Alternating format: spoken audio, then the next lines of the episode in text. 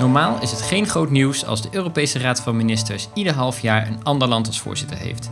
Maar nu stonden de kranten begin juli ineens vol met analyses over Duitsland en Merkel die het komende half jaar die taak op zich neemt. Ook voor ons reden om eens dieper te duiken in de rol van Duitsland in Europa in de komende cruciale maanden. Met als startpunt de Eurotop van dit weekend. Welkom bij een speciale Duitsland-aflevering van Bellen met Bas, onze podcast met GroenLinks-Europarlementariër Bas Eickhout. Mijn naam is Jeroen Steeman. Hey Bas, per 1 juli is Duitsland de voorzitter van de Raad, zoals dat heet. Um, we gaan het straks hebben over wat dat precies uh, inhoudt en welke rol uh, de Duitse bondskanselier Angela Merkel gaat spelen in het komende half jaar. Um, maar ik dacht, we beginnen even, we duiken een beetje de, de geschiedenis in. Want Duitsland was natuurlijk een van, niet de verre geschiedenis in, maar goed, het heeft ermee te maken. Duitsland was een van de eerste oprichters van de voorlopers van de, van de Europese Unie. En dat had uh, natuurlijk een, uh, een reden. Ja, ja, ja, ja. ja. Nee, ja ik, ik was even benieuwd hoe ver je terug in de tijd ging. Maar je, je zit nu een beetje na de, na de Tweede Wereldoorlog, toch? Uh, daar ja, laten we, daar, laten we daar beginnen. ja, laten, we, laten we beginnen bij nou ja, het begin van de EU. Of wat toen nog heette de, de Europese Gemeenschap van Kolen en Staal, hè, de EGKS. Um, ja, goed. Wat natuurlijk, en dat vergeten we soms wel eens in Nederland, maar de basis van Europa is natuurlijk vanaf het begin geweest de, de, de relatie Duitsland-Frankrijk. Dat, dat is altijd een wat complexe relatie geweest. Uh, vele oorlogen uh, gehad. Uh, na de Tweede Wereldoorlog toch het idee dat het misschien beter is om met elkaar te gaan samenwerken, te gaan handelen. Uh, in plaats van uh, telkens oorlog te voeren. Dus ja, daarmee was, uh, was dat, was dat het, het begin van, van het Europese idee was natuurlijk wel echt dat, dat Duitsland en Frankrijk gingen samenwerken. En, en wat ik nog wel altijd wel leuk vind, want dat moet je je toch even bij voorstellen. Met name Franse politici die net na de Tweede Wereldoorlog gingen voorstellen: wij gaan met Duitsland samenwerken. Nou, als we toen een Mark Rutte hadden gehad, had hij waarschijnlijk naar de opiniepeilingen gekeken en gezegd: Nou, dat willen de mensen niet. Dat vinden ze niet fijn. Want ja, wie in Frankrijk dacht nou, ja, dat is een leuk Samenwerken met de Duitsers. Dat, met de Duitsers, ja, echt, dat, dat, dat vonden ze fijn. Maar er waren toen dus leiders, ik klink nu bijna opa verteld, maar er waren dus vroeger leiders die dachten van ja, maar dit is gewoon beter voor ons allemaal. En nee, de publieke opinie stond niet te juichen. Maar we hebben die stappen gezet. En, en, en nou ja, ik denk, de rest is geschiedenis. Uh, dat, dat heeft al aangetoond dat dat hele belangrijke stappen zijn geweest. En dat dat heel veel goeds heeft gebracht. En uh, nou ja, het begin is dus altijd Frankrijk-Duitsland geweest. Natuurlijk, Nederland is ook een van de founding fathers. Hè. Dat waren er zes in totaal. Dus het was de Benelux, Frankrijk-Duitsland en Italië. Maar eigenlijk waren die andere vier een beetje eromheen om het wat breder te maken. Maar de kern is eigenlijk altijd historisch Frankrijk-Duitsland geweest. En ja, zo zien de Duitsers dat ook nog altijd. Dus altijd als Nederland weer denkt, nou we hebben een goed bondje met Duitsland. Dan zijn we altijd weer verrast als, als Duitsland toch ook met Frankrijk gaat zitten. Ja, dat, dat, dat is altijd de kern geweest van hoe Duitsland in de EU zit ja, dat we daar nog steeds door verbaasd zijn dat, dat dan of we hebben een slecht geheugen of we hebben niet opgelet tijdens de geschiedenisles. Maar zover ik weet heeft Mark Rutte wel iets met geschiedenis gedaan. Dus dan heeft hij gewoon een slecht geheugen. Laten we het daarop houden. Ja, precies. Um, maar goed, we hebben het nou ja, gehad over uh, heel even dus vanaf de, na de Tweede Wereldoorlog inderdaad als Europese gemeenschap van kolen en staal. Dat klinkt echt ja. heel ouderwets inderdaad tegenwoordig. Um, opgericht. Um, maar goed, Duitsland speelde daar dus inderdaad altijd een, een cruciale rol in, zeg maar. En de Europese, Europese Unie, zoals het later is gaan, uh, gaan heten. Ook omdat het gewoon simpelweg het grootste land van de, van de Unie is. Nou ja, het was toen natuurlijk nog West-Duitsland. Dat is wel, uh, dus het was niet heel Duitsland. Uh, maar goed, gewoon puur, puur politiek was, was West-Duitsland en Frankrijk was de kern. Dat is allemaal wat verder uitgebreid, maar ja, natuurlijk, uh, het, stemgewicht van Duitsland is met name na de eenwording van Duitsland echt groter geworden. Toen, toen werd het echt by far het grootste uh, land van de EU. Eh, je hebt ongeveer 80 miljoen Duitsers. En de volgende in de, in de, de is dan Frankrijk. En die zit volgens mij net boven de 60 miljoen. Dus, dus nou ja, er zit een flink gat tussen. Dus Duitsland is echt wel qua inwonersaantallen verreweg het grootste. Ja, als je gaat kijken, dan is dat bijna 20% van de bevolking die in de EU zit, is Duits. Dus, dus Duitsland is de grootste economie. Duitsland heeft natuurlijk historisch een uh, aparte rol. En is ook nog eens gewoon qua inwonersaantal het, het, uh, het verreweg het grootst. Ja, dat alles bij elkaar maakt Duitsland gewoon een grote speler in Europa. Dat, ja, dat is gewoon. Uh, dat, dat, dat is gewoon logisch als je naar de getallen kijkt. En toch was Duitsland altijd bang voor de leidende rol. Hè? Ik bedoel, dat is als je dat terugkijkt. Bedoel, nu is het vaak zo dat landen naar Duitsland kijken, neem de leiding in Europa. En nou ja, je kan je voorstellen dat, dat de Duitsers daarvan dachten van nou, dat, we doen het liever samen dan dat we alleen uh, daar de voortrekker in zijn. Ja, en dat is natuurlijk ook het interessante. Frankrijk en Duitsland is nooit een heel gemakkelijk huwelijk geweest. Hè? Dus ze zijn altijd op elkaar aangewezen. Maar, maar ja, die twee landen ook qua aansturing kunnen niet verschillend genoeg zijn. Hè? Frankrijk is zwaar centralistisch. Parijs bepaalt alles. Bepaalt, uh, die bepaalt zelfs de hoogte van, uh, van flats in, in, in dorpen uh, in, in de Provence. Ehm, ja, je hebt daar een president dat als die wat vindt, dan, dan vindt Frankrijk dat. het heeft niet echt een heel erg sterk parlementair stelsel. Hè. De assemblée, ja, die, die toch vooral wat de president wil. Um, als de premier iets te populair wordt, wordt die ingeruild voor een grijze premier. Dat hebben we onlangs weer gezien. Nou ja, dat is het Franse model. En zeer top-down. Dus, dus uh, Frankrijk heeft ook altijd wel het gevoel dat, dat ja, een succesvol Europa is zeg maar een beetje een Europa dat volgens dat Franse model opereert. Ja, Duitsland is daar weer het tegenovergestelde. Hè. Het is, een, uh, is, is gebouwd op deelstaten, dus het is een federalistisch model. Ehm, als Berlijn iets vindt, dan betekent dat nog vrij weinig. Want dan moet je eerst alle hoofdsteden van die 16 deelstaten langs. Ehm, de Duitsers houden er niet van om de leiding te nemen, want dat ligt historisch een beetje gevoelig. Hè? Dat hebben ze geprobeerd. Is niet zo goed bevallen. Dus, dus de Duitsers zijn wel terughoudend om de leiding te nemen. Nou ja, daar heeft een Franse president over het algemeen geen enkele terughoudendheid in. Ehm, dus, dus ja, Duitsland is een, uh, ten opzichte van Frankrijk een bureaucratisch uh, log apparaat.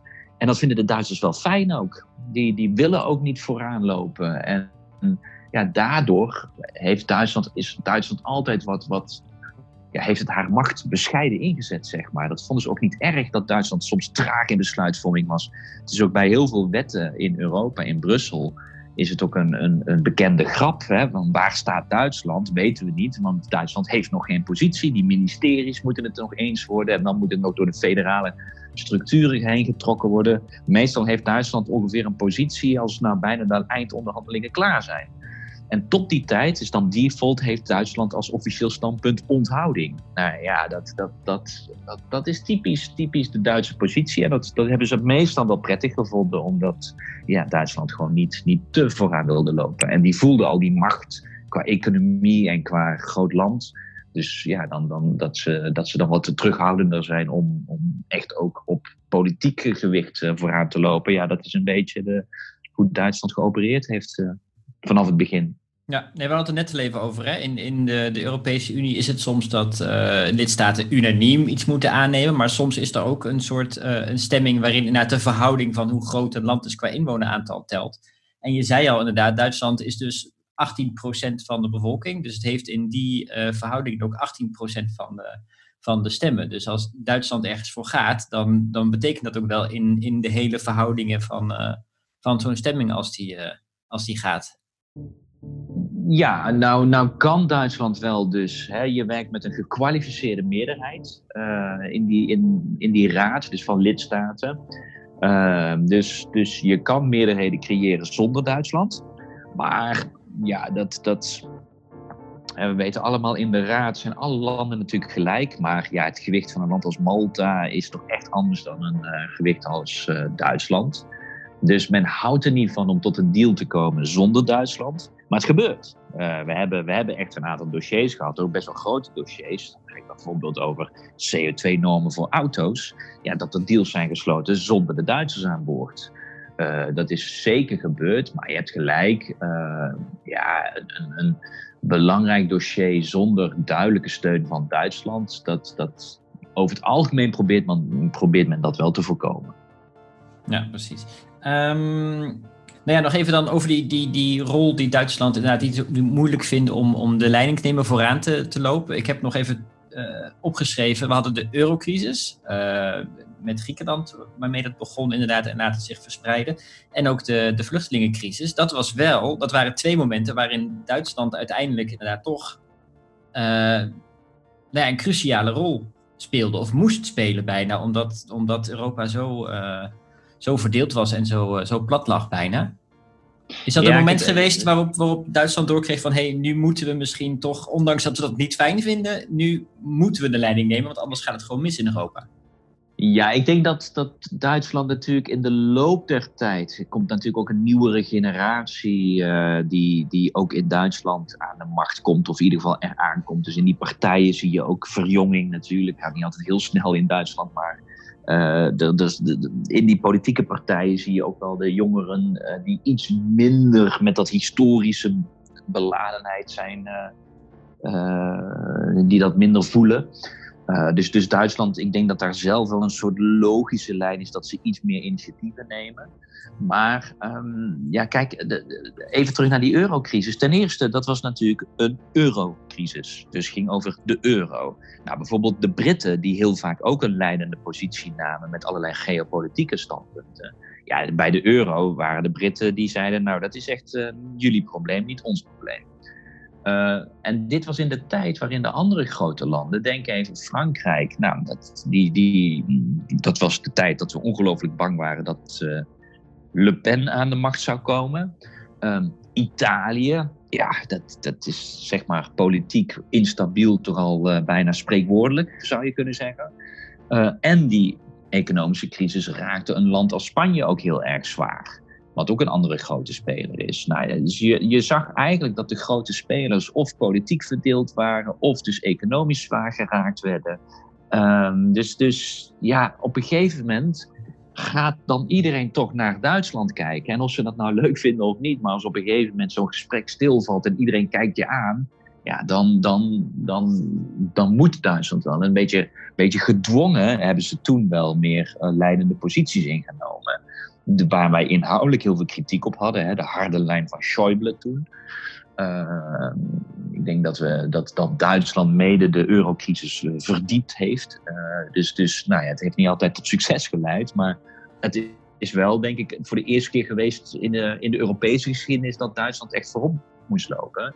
En dat deden, we, deden ze toen weer bij de, bij de vluchtelingencrisis. Maar ik denk dat dat echt heel erg een persoonlijk initiatief was van Angela Merkel, die. die ja, uiteindelijk daarin toch een, een, een soort, soort verdeeld Europa zag en moreel gewoon vond dat dit niet verder kon. En, en dan zag je meer het moreel leiderschap van, van Angela Merkel, die, die dat heeft gedaan. En uh, ja, dat, dat, dat hebben we in de historie ook niet zo heel vaak gezien van een Duitse leider die zo opzichtig zelf een stap zet. Uh, dus ja, Duitsland, je zou kunnen zeggen, ze zijn een beetje volwassen aan het worden in de Europese politiek. Ja, en dan zijn ze nu dus per 1 juli de, de voorzitter uh, van, van Europa, uh, ja. zeggen ze dan. Um, dat is het natuurlijk um, de, de, de, um, uh, ja, je, je, komt bijna weer terug in, in, het, in het zandverhaal van hoe Europa werkt. Met een, elke, elke we zullen het kort houden. We zullen het kort houden. Precies. Ja. Nou goed, we hebben de, de drie belangrijke, de belangrijkste instellingen in de Europese Unie. Dat zijn de Europese Commissie, uh, de Europese Raad, dat zijn dan de ministers en de landen en het Europese parlement. En mm -hmm. de Europese Raad, dus de, de landen en de ministers, die hebben ieder half jaar één van hun ministers die die vergaderingen voorzit. Ja. Dat is eigenlijk waar het op neerkomt. Ja, en wat het interessant is, sinds het Lissabon-verdrag is eigenlijk dat rolerende voorzitterschap minder belangrijk geworden. Vroeger was dat rolerend voorzitterschap ook voor de top, hè, de, de, de EU-toppen, de, de, de, de raad, de EU-raad. Um, was het altijd de premier van dat land die dan ook de, de top voorzit. Maar door het Lissabon-verdrag is eigenlijk elke minister-president of boendeskansler of hoe ze ook heten in een land eigenlijk minder machtig geworden, omdat er een vaste voorzitter is uh, benoemd. Nou ja, dat is op dit moment Charles Michel. Hè, dat was hiervoor Tusk en de eerste was Herman van Rompuy. Ehm, dus, dus eigenlijk is de regeringsleider van dat rolerend voorzitterschap ja, wat minder belangrijk geworden. Maar ja, nu is het rolerend voorzitterschap Duitsland en is de leider Angela Merkel. Ja, dat is dan toch, toch even een, een, een ander niveautje. Plus Charles Michel heeft nog wat opstartproblemen in zijn nieuwe rol. Dus op dit moment lijkt het wel zo te zijn dat, dat het rolerend voorzitterschap zelfs op EU-topniveau plaatsvindt. En dat Merkel bijna de top voorzit en dat Charles Michel, ja, ik weet niet, een beetje hand- en spandiensten verleent aan, uh, aan uh, Angela. Ja, precies. En, en um, verder in, in zo'n in zo'n raad, zo'n raad van, van ministers, wat, wat betekent dat, dat voorzitter zijn dan, zeg maar, in normale omstandigheden, om het even zo, uh, zo te zeggen?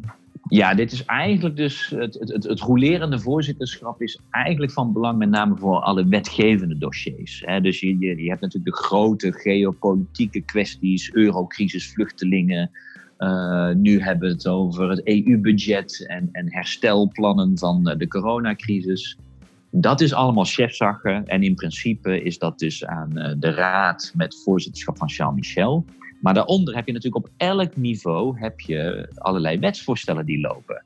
En, uh, en daar heb je in elke raadsformatie heb je, je hebt de Milieuraad, je hebt de Landbouwraad, de, je hebt ECOFIN. Je hebt al die, die raadsformaties.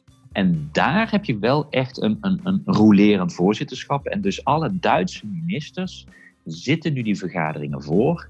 En ja, en hoe belangrijk is dat? Uh, er liggen natuurlijk heel veel wetsvoorstellen die uh, op allerlei terreinen.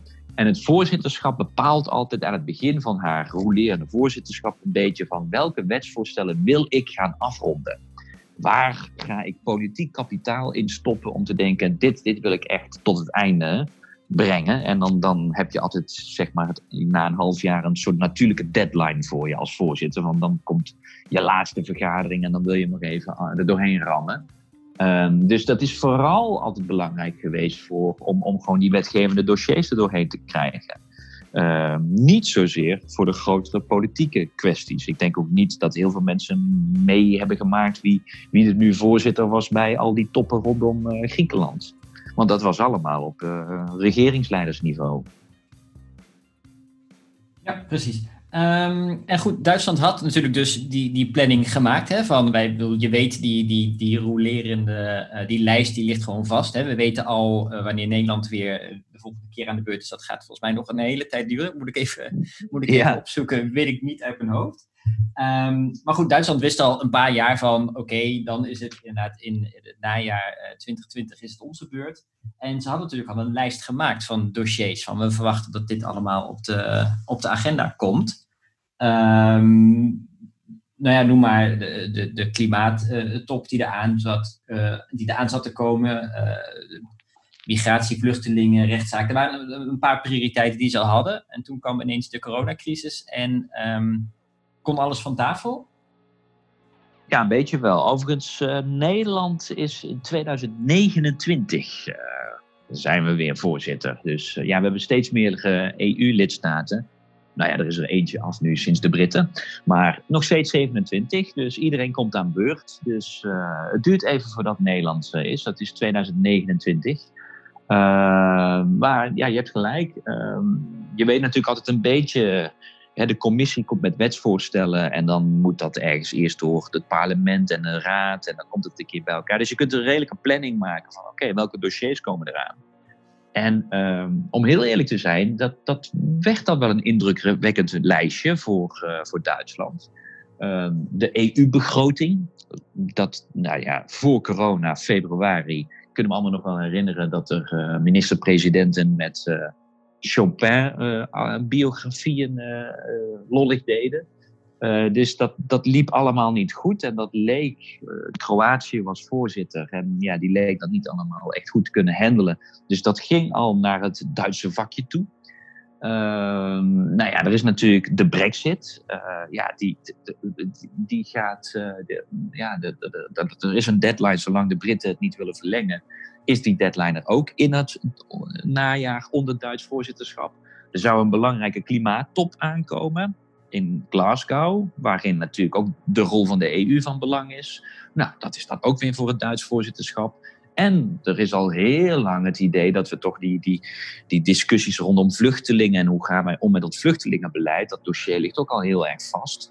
En er was ook een poging van de commissie om te zeggen: laten we dat proberen met nieuwe voorstellen los te krijgen. En dat zou dan ook door de Duitsers uh, verder getild moeten worden. Dus zelfs zonder corona was die agenda van het Duits voorzitterschap al wel, wel zwaar. En uh, ja, daar is nu nog eens daarbovenop de hele economische crisis, het herstelplan, uh, eh, EU-investeringsprogramma bijgekomen. Ja, dat, dat maakt dat hele voorzitterschap wel topzwaar in het najaar. En zie je dus ook wel dat de Duitsers een beetje wat thema's wat naar achter hebben geschoven en uh, hebben doorgegeven aan de Portugezen. Portugal komt hierna. Van nou, die mogen jullie doen, want we gaan het niet allemaal redden onder ons voorzitterschap. Ja, precies. En goed, daar hebben we het net al even over gehad. Hè? Dus in principe is het de premier of de bondskanselier die dan een mindere rol zou spelen, normaal gesproken. Uh, ja. Maar nu, uh, ja, Merkel is de Duitse bondskanselier. Ze is daar. Ze heeft inderdaad in, in al die herstelplannen, voorstellen al een grote rol uh, gespeeld. Dus zij is nu echt aan de, aan de, ze moet aan de bak. Ja, kijk, um, met zo'n zo'n zwaar voorzitterschap, met zoveel zware thema's op de agenda, um, ja, is het toch ook echt wel dat in Brussel wel uitgekeken werd naar het Duits voorzitterschap. Dat men wel aanvoelde van ja, we hebben nu een aantal toch wat lichtere voorzitterschappen gehad. Hè? Roemenië, Finland, Kroatië. Uh, ja, dat, ja, het zijn of niet de sterkste landen, of Finland is natuurlijk gewoon uiteindelijk een klein land. Heeft het echt wel goed naar behoren gedaan, maar heeft gewoon qua ambtenarenapparaat een, een, een ja, is het beperkt. Ja, de Duitsers komen toch wel, uh, ja, je, je, mag geen oorlogsgrappen maken, maar ze komen wel met, met een ambtenarenmachinerie, zeg maar, uh, aanmarcheren. Dus uh, ja, dit, dit, daar werd al wel rijkhalsend naar gekeken. En daarbij komt natuurlijk dat je met Merkel ook nog eens de langzittende regeringsleider hebt. Dus die heeft ook nog eens, nou ja, Duitsland heeft al van nature een positie. Ja, Angela Merkel met haar statuur, haar ervaring, 15 jaar regeringsleider van Duitsland. Ja, heeft ze ook nog eens heel veel, heel veel impact in zo'n vergadering. Ja, dit is wel het moment waarop een aantal hele moeilijke dossiers verder getild kunnen worden. En dus zie je dat iedereen toch een beetje naar Angela Merkel kijkt. En ja, Charles Michel, officieel de vaste voorzitter, ja, hij mag de, hij mag de vergadering voorzitten. Maar ik denk dat iedereen vooral luistert als Angela Merkel haar mond open doet. Ja, nou laten we dan even hebben inderdaad over de, de inhoud en over het, uh, nou goed, het, het, herstelplan en alles wat er nu dan, uh, dan aan zit, uh, zit te komen. Um, in, um, in mei kwamen Macron en Merkel um, samen, althans digitaal toen. Ja. Ja. En ineens was daar een opzet voor een, voor een, een herstelplan. Eigenlijk zou de commissie wat uitwerken, maar op een of andere manier hadden Macron en Merkel ineens: Goh, we hebben ook een plan. Um, en, en wonderbaarlijk, het plan van de Europese Commissie leek daar toch ook weer heel erg op later. Um, ja. Maar goed, daar, daar zat veel, uh, veel Europese steun in. Hè? Dat was echt van: wij moeten de toon van, dus wij moeten Europa ondersteunen, we moeten solidair zijn. We zijn dat verplicht. Niet alleen aan die landen, maar ook aan onze eigen economie. Uh, dat we daar landen helpen. En Merkel mm -hmm. gaf daar toe dat ze echt van, van inzicht was veranderd over de, ja. de rol van Europa in zo'n economisch steunpakket. Ja, kijk, even nog, de, die, die choreografie in mei was natuurlijk heel erg nauw afgestemd met de commissie. Hè? Dus uh, je hoort wel eens dat mensen zeggen, nou, hiermee kapen Macron en Merkel de agenda van Ursula von der Leyen. Maar dit was natuurlijk helemaal afgestemd. Uh, de commissie had de opdracht gekregen. Hè? We hebben wat noodfondsen nu gehad. Er was zo'n spannende ECOFIN, waar onze Wopke nog een discutabele rol speelde. Nou ja, dat heeft tot een deal geleid in april. Maar toen heeft de Eurotop, dus inclusief Mark Rutte, want dat hoor je soms ook in Nederland. Waar komt die commissie nou mee? En die grijpen weer macht en ze misbruiken de situatie.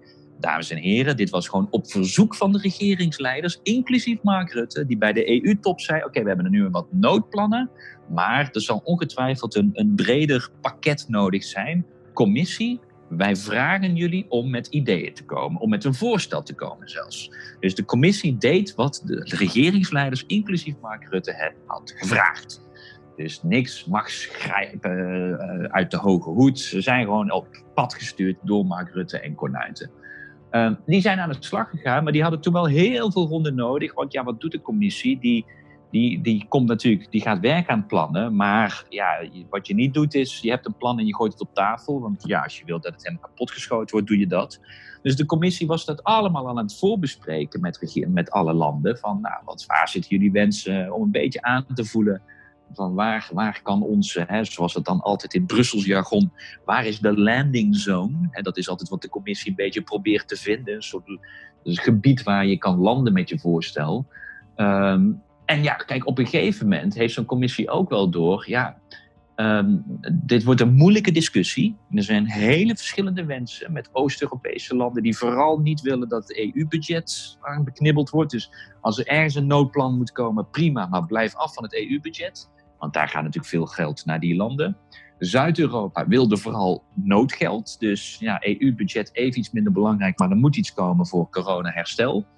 En dan had je landen meer in het noorden, inclusief Nederland, die zoiets zeiden: Nou, eh, we willen eigenlijk helemaal geen geld. Dus, dus een verdeelde input. En de commissie moest daar binnen iets gaan vinden. Ja, toen hebben ze natuurlijk heel erg gehoopt weer op die Frans-Duitse as. Hè, daar begonnen we mee, daar is die weer, die Frans-Duitse as.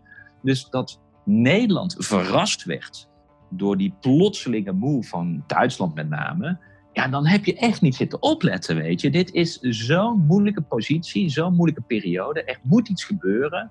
Ja, dan gaan Frankrijk en Duitsland aan. En, en de commissie heeft ze waarschijnlijk nog eens gevraagd. En die hebben wat ideeën gedaan. En dat hebben ze dan, hebben Merkel en Macron een beetje aangepast naar eigen smaak. En hebben daar uh, de wereld in gegooid. Maar toen ze dat deden, één minuut later, lag er al een persbericht van de commissie die zei: Nou, dat is eigenlijk een prima plan van Duitsland-Frankrijk. Omdat ze natuurlijk heel veel hadden meegewerkt daaraan. Dus ja, dit is hoe Europa werkt. En dat weet iedereen toch in Den Haag ondertussen, zou je mogen hopen. En dan de draai van Merkel, ja, die wordt altijd wat uitvergroot. Ik denk waar de draai vooral zit, is, is natuurlijk gewoon puur economisch. En uh, ik denk dat je daar ook uh, toch moet inzien dat bijvoorbeeld een Schäuble nog steeds belangrijk in de CDU die is van mening veranderd, puur economisch. Dat was Hij was minister van, Financiën, hè? In Juist. De, ja. In de Griekse crisis. Hij was een van die hardliners. En nou ja, de geschiedenisboekjes zeggen nu dat Schäuble eigenlijk zelfs op het punt was om Griekenland eruit te knikkeren. Dat wilde Merkel niet. Dus uh, dat is ook wederom, uh, Griek, wat Griekenland nog erin zit, is dankzij Merkel. Want Schäuble was er wel een beetje klaar mee. Dus dat was een hele hardliner. En ik denk dat Schäuble ook wel economisch heeft gezien van ja, die hele harde lijn die we toen hebben getrokken, heeft A tot politieke verdeeldheid geleid, waar Duitsers altijd gevoelig voor zijn binnen Europa. Maar economisch heeft het ook de crisis alleen maar verergerd en grotere werkloosheid geleid. En heeft die landen in Zuid-Europa eigenlijk onnodig hard getroffen. Dus ik denk dat, dat binnen de CDU er ja, wel economische lessen zijn getrokken. Merkel is altijd al meer van het verantwoordelijkheid nemen. En ziet dat ze bijvoorbeeld Griekenland in die eurozone wilde laten. En ja, die zag natuurlijk ook wel dat, dat uh, nou eigenlijk op twee fronten, die interne markt, die verdeeldheid werd steeds groter. Uh, hebben we het ook al wel eens eerder over gehad. Uh, Duitsland kan de portemonnee trekken. En uh, kan dus met staatssteun haar bedrijven redelijk soepel overeind houden. Maar dat, die, die, die buffers hebben ze in Zuid-Europa veel minder.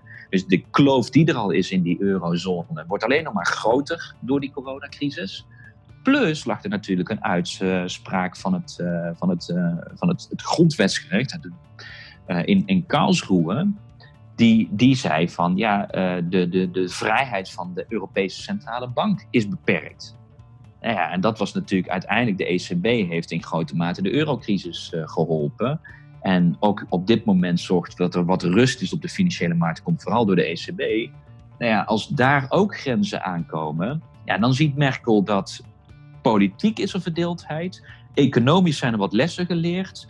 Uh, je ziet dat de ECB-macht ook uh, tegen zijn grens aan het aanlopen is. En je ziet die, die, die verscheuring van die interne markt ja, dat alles bij elkaar is het heel logisch en past het helemaal in de lijn van Merkel. Dat zij zoiets heeft, ja, hier moeten we echt iets gaan doen. En zij heeft dus die stap dan gemaakt voor de eerste keer van er moet een Europees investeringsfonds komen. Ja, dat wordt gezien als een grote breuk van haar verleden. Maar ik vind dat het heel erg past in, in hoe Merkel zich Europees altijd heeft opgesteld. En ja, dat Nederland daardoor verrast is, zegt eigenlijk meer over Nederland dan over Merkel. Ja, precies. En als we het ehm, dan hebben over, over draagvlak, hè? want dat is natuurlijk de. Uh, in Duitsland is er over het algemeen uh, een, een pro-Europese, een hele grote pro-Europese meerderheid. Als je kijkt naar, naar verkiezingsuitslagen, daar bijna alle partijen, ik zou bijna zeggen alle partijen behalve de AFD. Mm ik bedoel, zelfs de, de, de SP-familie van die linken zijn eigenlijk ja pro hartstikke pro-Europees bijna. Uh, zeker als je dat met, uh, met de SP vergelijkt. Uh, is dat draagvlak er in Duitsland ook echt voor, voor, deze, voor zo'n herstelplan? Nou ja, dat, is een interessante vraag. Kijk, de steun voor Europa is groot in Duitsland, maar laten we wel wezen, die steun is ook groot in Nederland. Hè? De, de, de steun voor een exit is gewoon heel beperkt en is ook alleen maar kleiner geworden de laatste paar jaar. Dus, dus die steun voor Europa is groot. Ik denk dat die in Duitsland nog iets dieper doorvoeld is, ook weer door, dat, door die geschiedenis. Hè? Ook, ook de, Duitse bevolking in meerderheid voelt nog wel die uh, geschiedenis. Het verzet, zit hem, het verzet zit hem dan bij de AFD, die ook vinden dat, dat, dat altijd maar dat die, die geschiedenis en die druk voelen van het verleden moet maar eens afgelopen zijn. Maar dat is echt een kleine fractie een meerderheid van de Duitse bevolking voelt dat echt die verantwoordelijkheid. Dan iets meer dan Nederland. In Nederland is het altijd wat meer calculerende steun. Het is goed voor ons, het is makkelijk, dus we zijn wel voor. In Duitsland zit dat er iets dieper in, maar op zich de steun is groot. Maar ik denk als jij aan veel Duitsers had gevraagd: Goh, willen jullie geld gaan geven aan Italië en Spanje? Denk ik dat in, in eerste instantie ook in Duitsland dat heel moeilijk zou vallen. Dus om nu maar te doen alsof in Duitsland die publieke opinie al gewoon uh, op zijn rug lag met de pootjes omhoog, was natuurlijk niet zo. En, maar wat is daar veranderd? Wat is daar anders geweest? Waar je Rutte eigenlijk alleen maar hoort over, ja, nou ja, zeg, de Italianen, die, die, die verdienen het niet. Heeft Merkel eigenlijk vanaf het begin dus hier een lijn getrokken van dit is nodig. Dit is nodig voor de Europese economie. Dit is nodig voor ons, hè, wel begrepen eigenbelang. Dus, dus Merkel heeft daar een verhaal gehouden. En als je nu naar de peilingen kijkt, lijkt er gewoon steun te zijn voor de lijn van het kabinet in Duitsland. Maar die was niet zo vanzelfsprekend. Hier laat je ook weer zien dat een politiek leider kan natuurlijk ook de publieke opinie beïnvloeden. Dat is misschien nog iets heel raars in Nederland, maar een politicus kan ook een opinie beïnvloeden. En hoeft niet alleen maar Maurice de Hond te volgen, maar kan soms ook ervoor zorgen dat Maurice de Hond de politicus volgt. Het is een heel raar idee, maar dat uh, zie je in andere landen iets meer dan in Nederland. En ik denk dat Merkel met haar verhaal echt wel gewoon de publieke opinie beïnvloed heeft. Ja, precies. Want dat is natuurlijk het, het grote, als we dan even wat meer de vergelijking Nederland versus, uh, versus Duitsland uh, maken. Als we inderdaad kijken naar de partij, de politieke partij die aan de, aan de macht zijn. Uh, dus in Duitsland is dat uh, CDU, Christendemocraten en de SPD, ja. Sociaaldemocraten samen.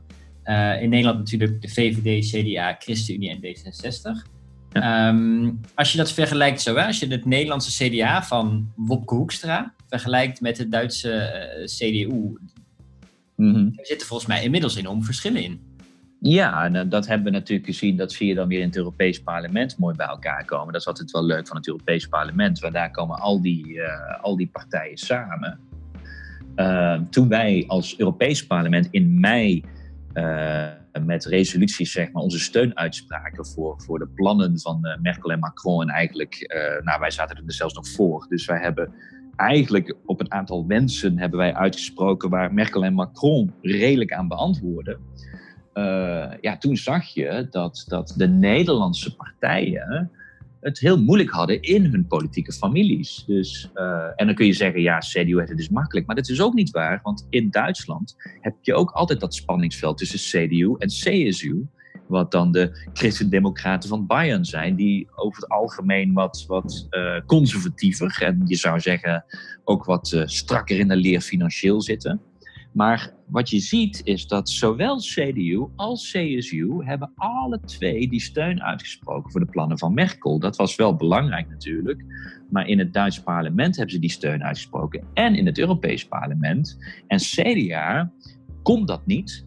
Uh, dus die heeft zich zelfs bij resoluties zijn ze niet meegegaan met, uh, met de grote meerderheid. Maar als je dan gaat kijken naar de stemmingen, ja, van, van, van, van de grote christendemocratische familie waren het maar een paar stemmen die afwijkten, afweken. En dat was dus de, met name de Deense, de Nederlandse, de Finse en de Zweedse uh, Europarlementariërs. En een beetje vergelijkbaar zag je bij de liberale familie, waarin ook de liberale familie, inclusief de FDP van Duitsland, steun voor, uh, voor, voor een investering, Europees investeringsplan. En, dat waren ja, de echte haviken, toch? In de, in de eurocrisis en zo. Want toen zat de FDP in de, de Duitse regering, volgens mij.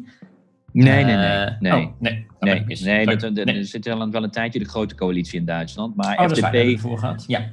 FDP die, uh, die, die zat zelfs een periode niet eens in het Duitse parlement. Hè, hadden die kiestrempel niet eens gehaald. Die zitten er nu weer in. Maar die hebben een beetje een lijn gekozen om, om, om CDU rechts uit te dagen. Uh, en, en, maar ook hier steun voor die lijn. Dus zelfs inderdaad de Duitse FDP, die dus eigenlijk CDU van rechts willen aanvallen, blijven die steun uitspreken. En VVD, die dus tegenstemde in het Europees Parlement, was erg alleen in die liberale groep. Dus ja, de Nederlandse partijen vormen gewoon een, een minderheid in die politieke families van christendemocraten en liberalen. Ja, precies. Nou goed, dan gaan we nog even door naar de, de, de top, de echte top, zeg maar. Dat is uh, dus aanstaande vrijdag. Daar moet het gaan gebeuren. Althans, ja. Dat zei Angela Merkel. Uh, en Rutte zei van nou, als dit niet lukt, dan komt er een andere top en dan komt het, uh, dan komt het wel goed. Maar kijk, op zich heeft hij gelijk dat er dan een andere top komt. Uh, maar dit is natuurlijk dit is politiek spel van Rutte. Die wil, kijk, hij, hij, ik denk niet dat hij weer met een Chopin-biografie gaat, want dat, dat zal echt nu niet goed vallen. Als je weer het idee geeft dat het je geen, echt gewoon niet interesseert, heb je wel een probleem. Dus uh, daarom dat Rutte nu wel alle mensen ontvangt of er naartoe gaat. En hij ging naar Merkel en Conte kwam en Sanchez. Dus, dus, dus uh, Rutte is wel actiever nu. Laat zien dat het, hem, dat het hem wel degelijk, dat hij het belang ziet. Maar hij probeert natuurlijk uh, de druk bij hem weg te halen. Te zeggen, nou ja, voor mij hoeft er geen deal te komen. En ehm, ja, puur economisch heeft hij ook nog wel gelijk. Als je nu gaat kijken naar, uh, op dit moment zijn de financiële markten nog redelijk rustig. Uh, je ziet niet uh, grote effecten op de, op de markt. Dat zie je dan het meeste altijd in de staatsobligaties van landen. En de befaamde spreads tussen bijvoorbeeld Italiaanse staatsobligaties en Duitse staatsobligaties. Daar, daar zit bijna geen groei in. Dus je zou puur economisch, heeft Rutte ergens gelijk. Er is niet een, er is niet een, een harde harde deadline die per se nu moet zijn. Maar er is natuurlijk een politieke kant. En die politieke kant is dat, dat, uh, dat, dat hebben we in de eurocrisis gezien, is dat, dat op een gegeven moment, als het maar door blijft etteren, en er moet eurotop na eurotop is er voor nodig, op een gegeven moment gaat dat politiek eroderen. En dan gaat op een gegeven moment het ook economisch. En dan gaat op een gegeven moment die financiële markten reageren. Maar dat was nadat het politiek ging eroderen van kunnen we nog wel vertrouwen dat die, dat, dat die EU bij elkaar blijft. En, en dus politiek zit er wel heel veel druk op. En dat is met name toch ook weer Italië.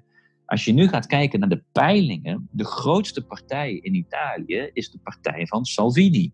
Lega, zeg maar het vriendje van Geert Wilders, waarbij dan Geert Wilders zegt dat er geen geld naar Italië mag, wat nu in Italië natuurlijk tot hilariteit leidt dat het vriendje van Salvini geen cent aan Italië wil geven, terwijl Salvini aan het mopperen is dat er geen Europese solidariteit is. Nou ja, ik bedoel, tot zover de eenheid van de Europese populisten natuurlijk.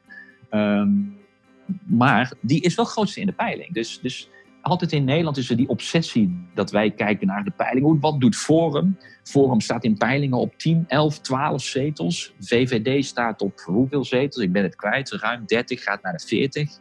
Groot kloof. Rutte heeft, een, heeft een, grote voorsprong en toch zijn wij zenuwachtig voor de peilingen. Nou, kijk even naar Italië. Daar is de grootste partij in de peilingen, is Lega van Salvini. Dus de regeringspartijen zijn al niet de grootste partij. Ja, als we daar weer blijven etteren en doormodderen, dan geef je Salvini een heerlijk argument om te laten zien: zie je, Europa leven niet, is er niet als wij ze nodig hebben. En dat wil je niet, dat dat blijft dooretteren door de zomer heen. En daarom zegt Merkel, we hebben een deal nodig. Dat is puur politiek. En Rutte gaat dan altijd met zijn economische argumenten. Dat is toch weer een beetje die Hollandse handelsreiziger. Die zegt, nou, economisch, de spreads zijn er niet. Maar je moet er natuurlijk politiek naar kijken. Europa is politiek. Maar goed, voor Rutte is Europa nog altijd een soort, soort afrekenboekje. Een soort Excel-spreadsheet voor zijn, uh, voor zijn berekeningen. Ja, Europa is politiek. En dat heeft Merkel natuurlijk altijd beter begrepen dan Mark Rutte. Ja, en wat, wat, wat zouden de, de gevolgen kunnen zijn van zo'n starre houding van, uh, van, van Nederland in deze, in deze discussie? Nou ja, kijk, dus sommige mensen zeggen, nou, dit is gewoon een lekkere stevige onderhandelingstactiek. Nou ja, ik ben het heus wel mee eens dat je, je moet stevig je lijn trekken, hè, wil, je, wil je iets voor elkaar krijgen. Dus daar, daar is op zich niet. Alleen je moet dus niet blind zijn voor die politieke kant. Ja, wat staat er op het spel? Aanvankelijk dus met name politieke stabiliteit, met name in een land als Italië. Als dit blijft dooretteren, gaat het ook economisch op een gegeven moment echt uh, op zich wreken. Maar de uiteindelijke prijs zit hem ook gewoon wel in, die, eh, in, in de eenheid van Europa. En dit is toch ook even een tik naar Mark Rutte, die ergens in een paar jaar geleden heeft hij een paar van die gloedvolle speeches gehouden. Waarin hij toch in één keer, hè, kunnen we allemaal nog herinneren, die krantenkoppen die zeiden: hey, Mark Rutte draait op Europa. In één keer ziet hij het belang van Europa. En dat was vooral het geopolitieke Europa. In een wereld waarin eigenlijk ja, alle partijen rondom ons heen of onvoorspelbaarder worden, Verenigde Staten, of juist iets agressiever worden en, en uh, nou ja, dat moet je altijd noemen, assertiever. Uh, zie China. Uh, wat ze nu doen met Hongkong bijvoorbeeld. Dus ja, die wereld die gaat door, die ontwikkelt zich door. En we kunnen het ons niet permitteren om een, een om een strompelend Europa te hebben. Dus je moet hier met een beetje een, een, een, een, een politiek goed akkoord is gewoon essentieel. Als we dat niet doen, hou je een struikelend Europa in een wereld die geopolitiek echt om een sterker Europa vraagt. En dat heeft Mark Rutte ook erkend in zijn speeches. We hebben een geopolitiek Europa nodig. Ja, dat komt soms letterlijk met een prijs. dat, het, ja, dat, het een kan niet losgezien van, worden van het ander. En het te doen alsof jij een sterk geopolitiek Europa kan hebben, maar de begroting is allemaal maar heel dun ja, dat gaat niet samen. Zo werkt dat niet. Zo werkt het ook niet in Nederland. Zo werkt het ook niet in de Europese Unie. En um, dat zou wel eens de grootste prijs kunnen worden als wij, als wij niet tot een deal gaan komen. Nou ja, we, we gaan, het, uh, we gaan het zien. Um, de top is, ja, we, kunnen dat lang... Dat is wel een cliffhanger, Jeroen, joh. Ja, precies. Nee, ja, we, zullen het, eh, we zullen het moeten zien. Nee, kijk, er, gaat, bedoel, er zijn nog allemaal heel veel, heel veel details ook natuurlijk. Hè? Want dat gaat ook over de, de meerjarenbegroting en over waar geld heen gaat en niet. En hoe dat gaat, gaat schuiven, hoe dat democratisch gecontroleerd gaat worden. Uh, ja. Er zijn ook, bedoel, de, de, de verwachting is ook dat inderdaad dat het wisselgeld zal zijn, wat dan Mark Rutte zogenaamd binnenkrijgt. Uh, Oké, okay, dan maken we de begroting kleiner en dus hebben we minder geld voor innovatie over. Ja, en dat, dat, daar moppert nu Nederland over. Van ja, het is toch wel jammer dat er nu minder geld is en dan wordt dat weggehaald bij innovatie. Nou, dat is nou precies, volgens mij heb ik dat al een keer in een bellen met Bas gezegd. Dit is precies de uitkomst die je kan voorspellen. Als je dus gaat hameren op minder geld, ja, een aantal landen die gaan de landbouwgelden verdedigen, een aantal landen gaan de cohesiegelden verdedigen. En wie wordt kind van de rekening? Innovatie. En dat zien we dus nu weer gebeuren in het voorstel van Charles Michel. Ja, begroting gaat naar beneden. Nederland, hé, je hebt dat gewonnen maar wordt weggehaald bij innovatie. Daar moppert dan Nederland over. Maar wat is de reactie? Ja, het is wel jammer dat bij innovatie weggaat. Onze inzet is dat het eigenlijk nog minder moet, het budget. Ja, weet je, echt, het lerend vermogen van Nederland is wel dramatisch te noemen. Uh, dus ja, wat gaat er gebeuren? Ik denk dat we qua EU-begroting, ja, daar, daar hebben we nu wel een beetje het einddoel in zicht. Uh, ik denk dat er nog geprobeerd gaat worden om ook dat herstelfonds van 750 miljard nog iets kleiner te maken. Misschien gaat er nog iets geschoven worden in uh, leningen versus subsidies. Uh, en ik denk de moeilijkste strijd die er gaat komen uh, is echt over hoe, dat, hoe besloten wordt dat geld te gaan uitgeven. Daar wil Nederland het liefste een veto. En dat gaat echt never nooit niet lukken. Ehm, nou ja, goed, dat dat wordt nog een, een, een lastigere strijd.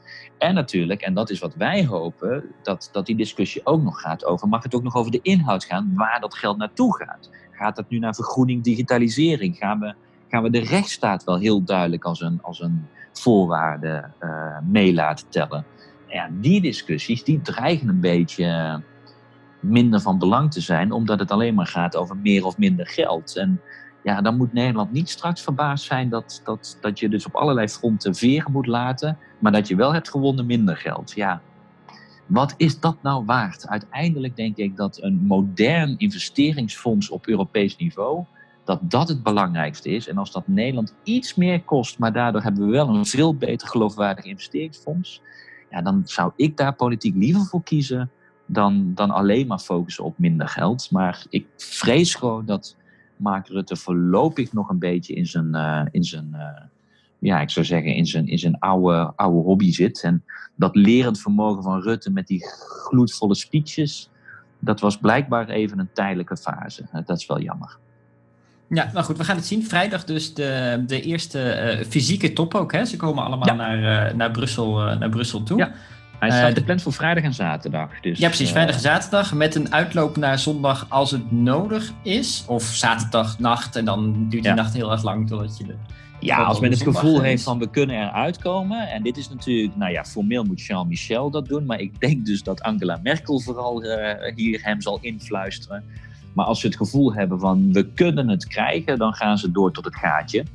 Uh, maar het kan ook zijn dat we zaterdag concluderen, dit gaan we nog niet trekken. En dan, dan, dan gaan we nog een nieuwe top waarschijnlijk voor de zomervakantie zien. Dus dan, uh, nou ja, bereid je dan voor, voor later in juli nog een keer. Ja, nou we gaan het, uh, we gaan het volgen uh, sowieso. Um, ik wel, ja.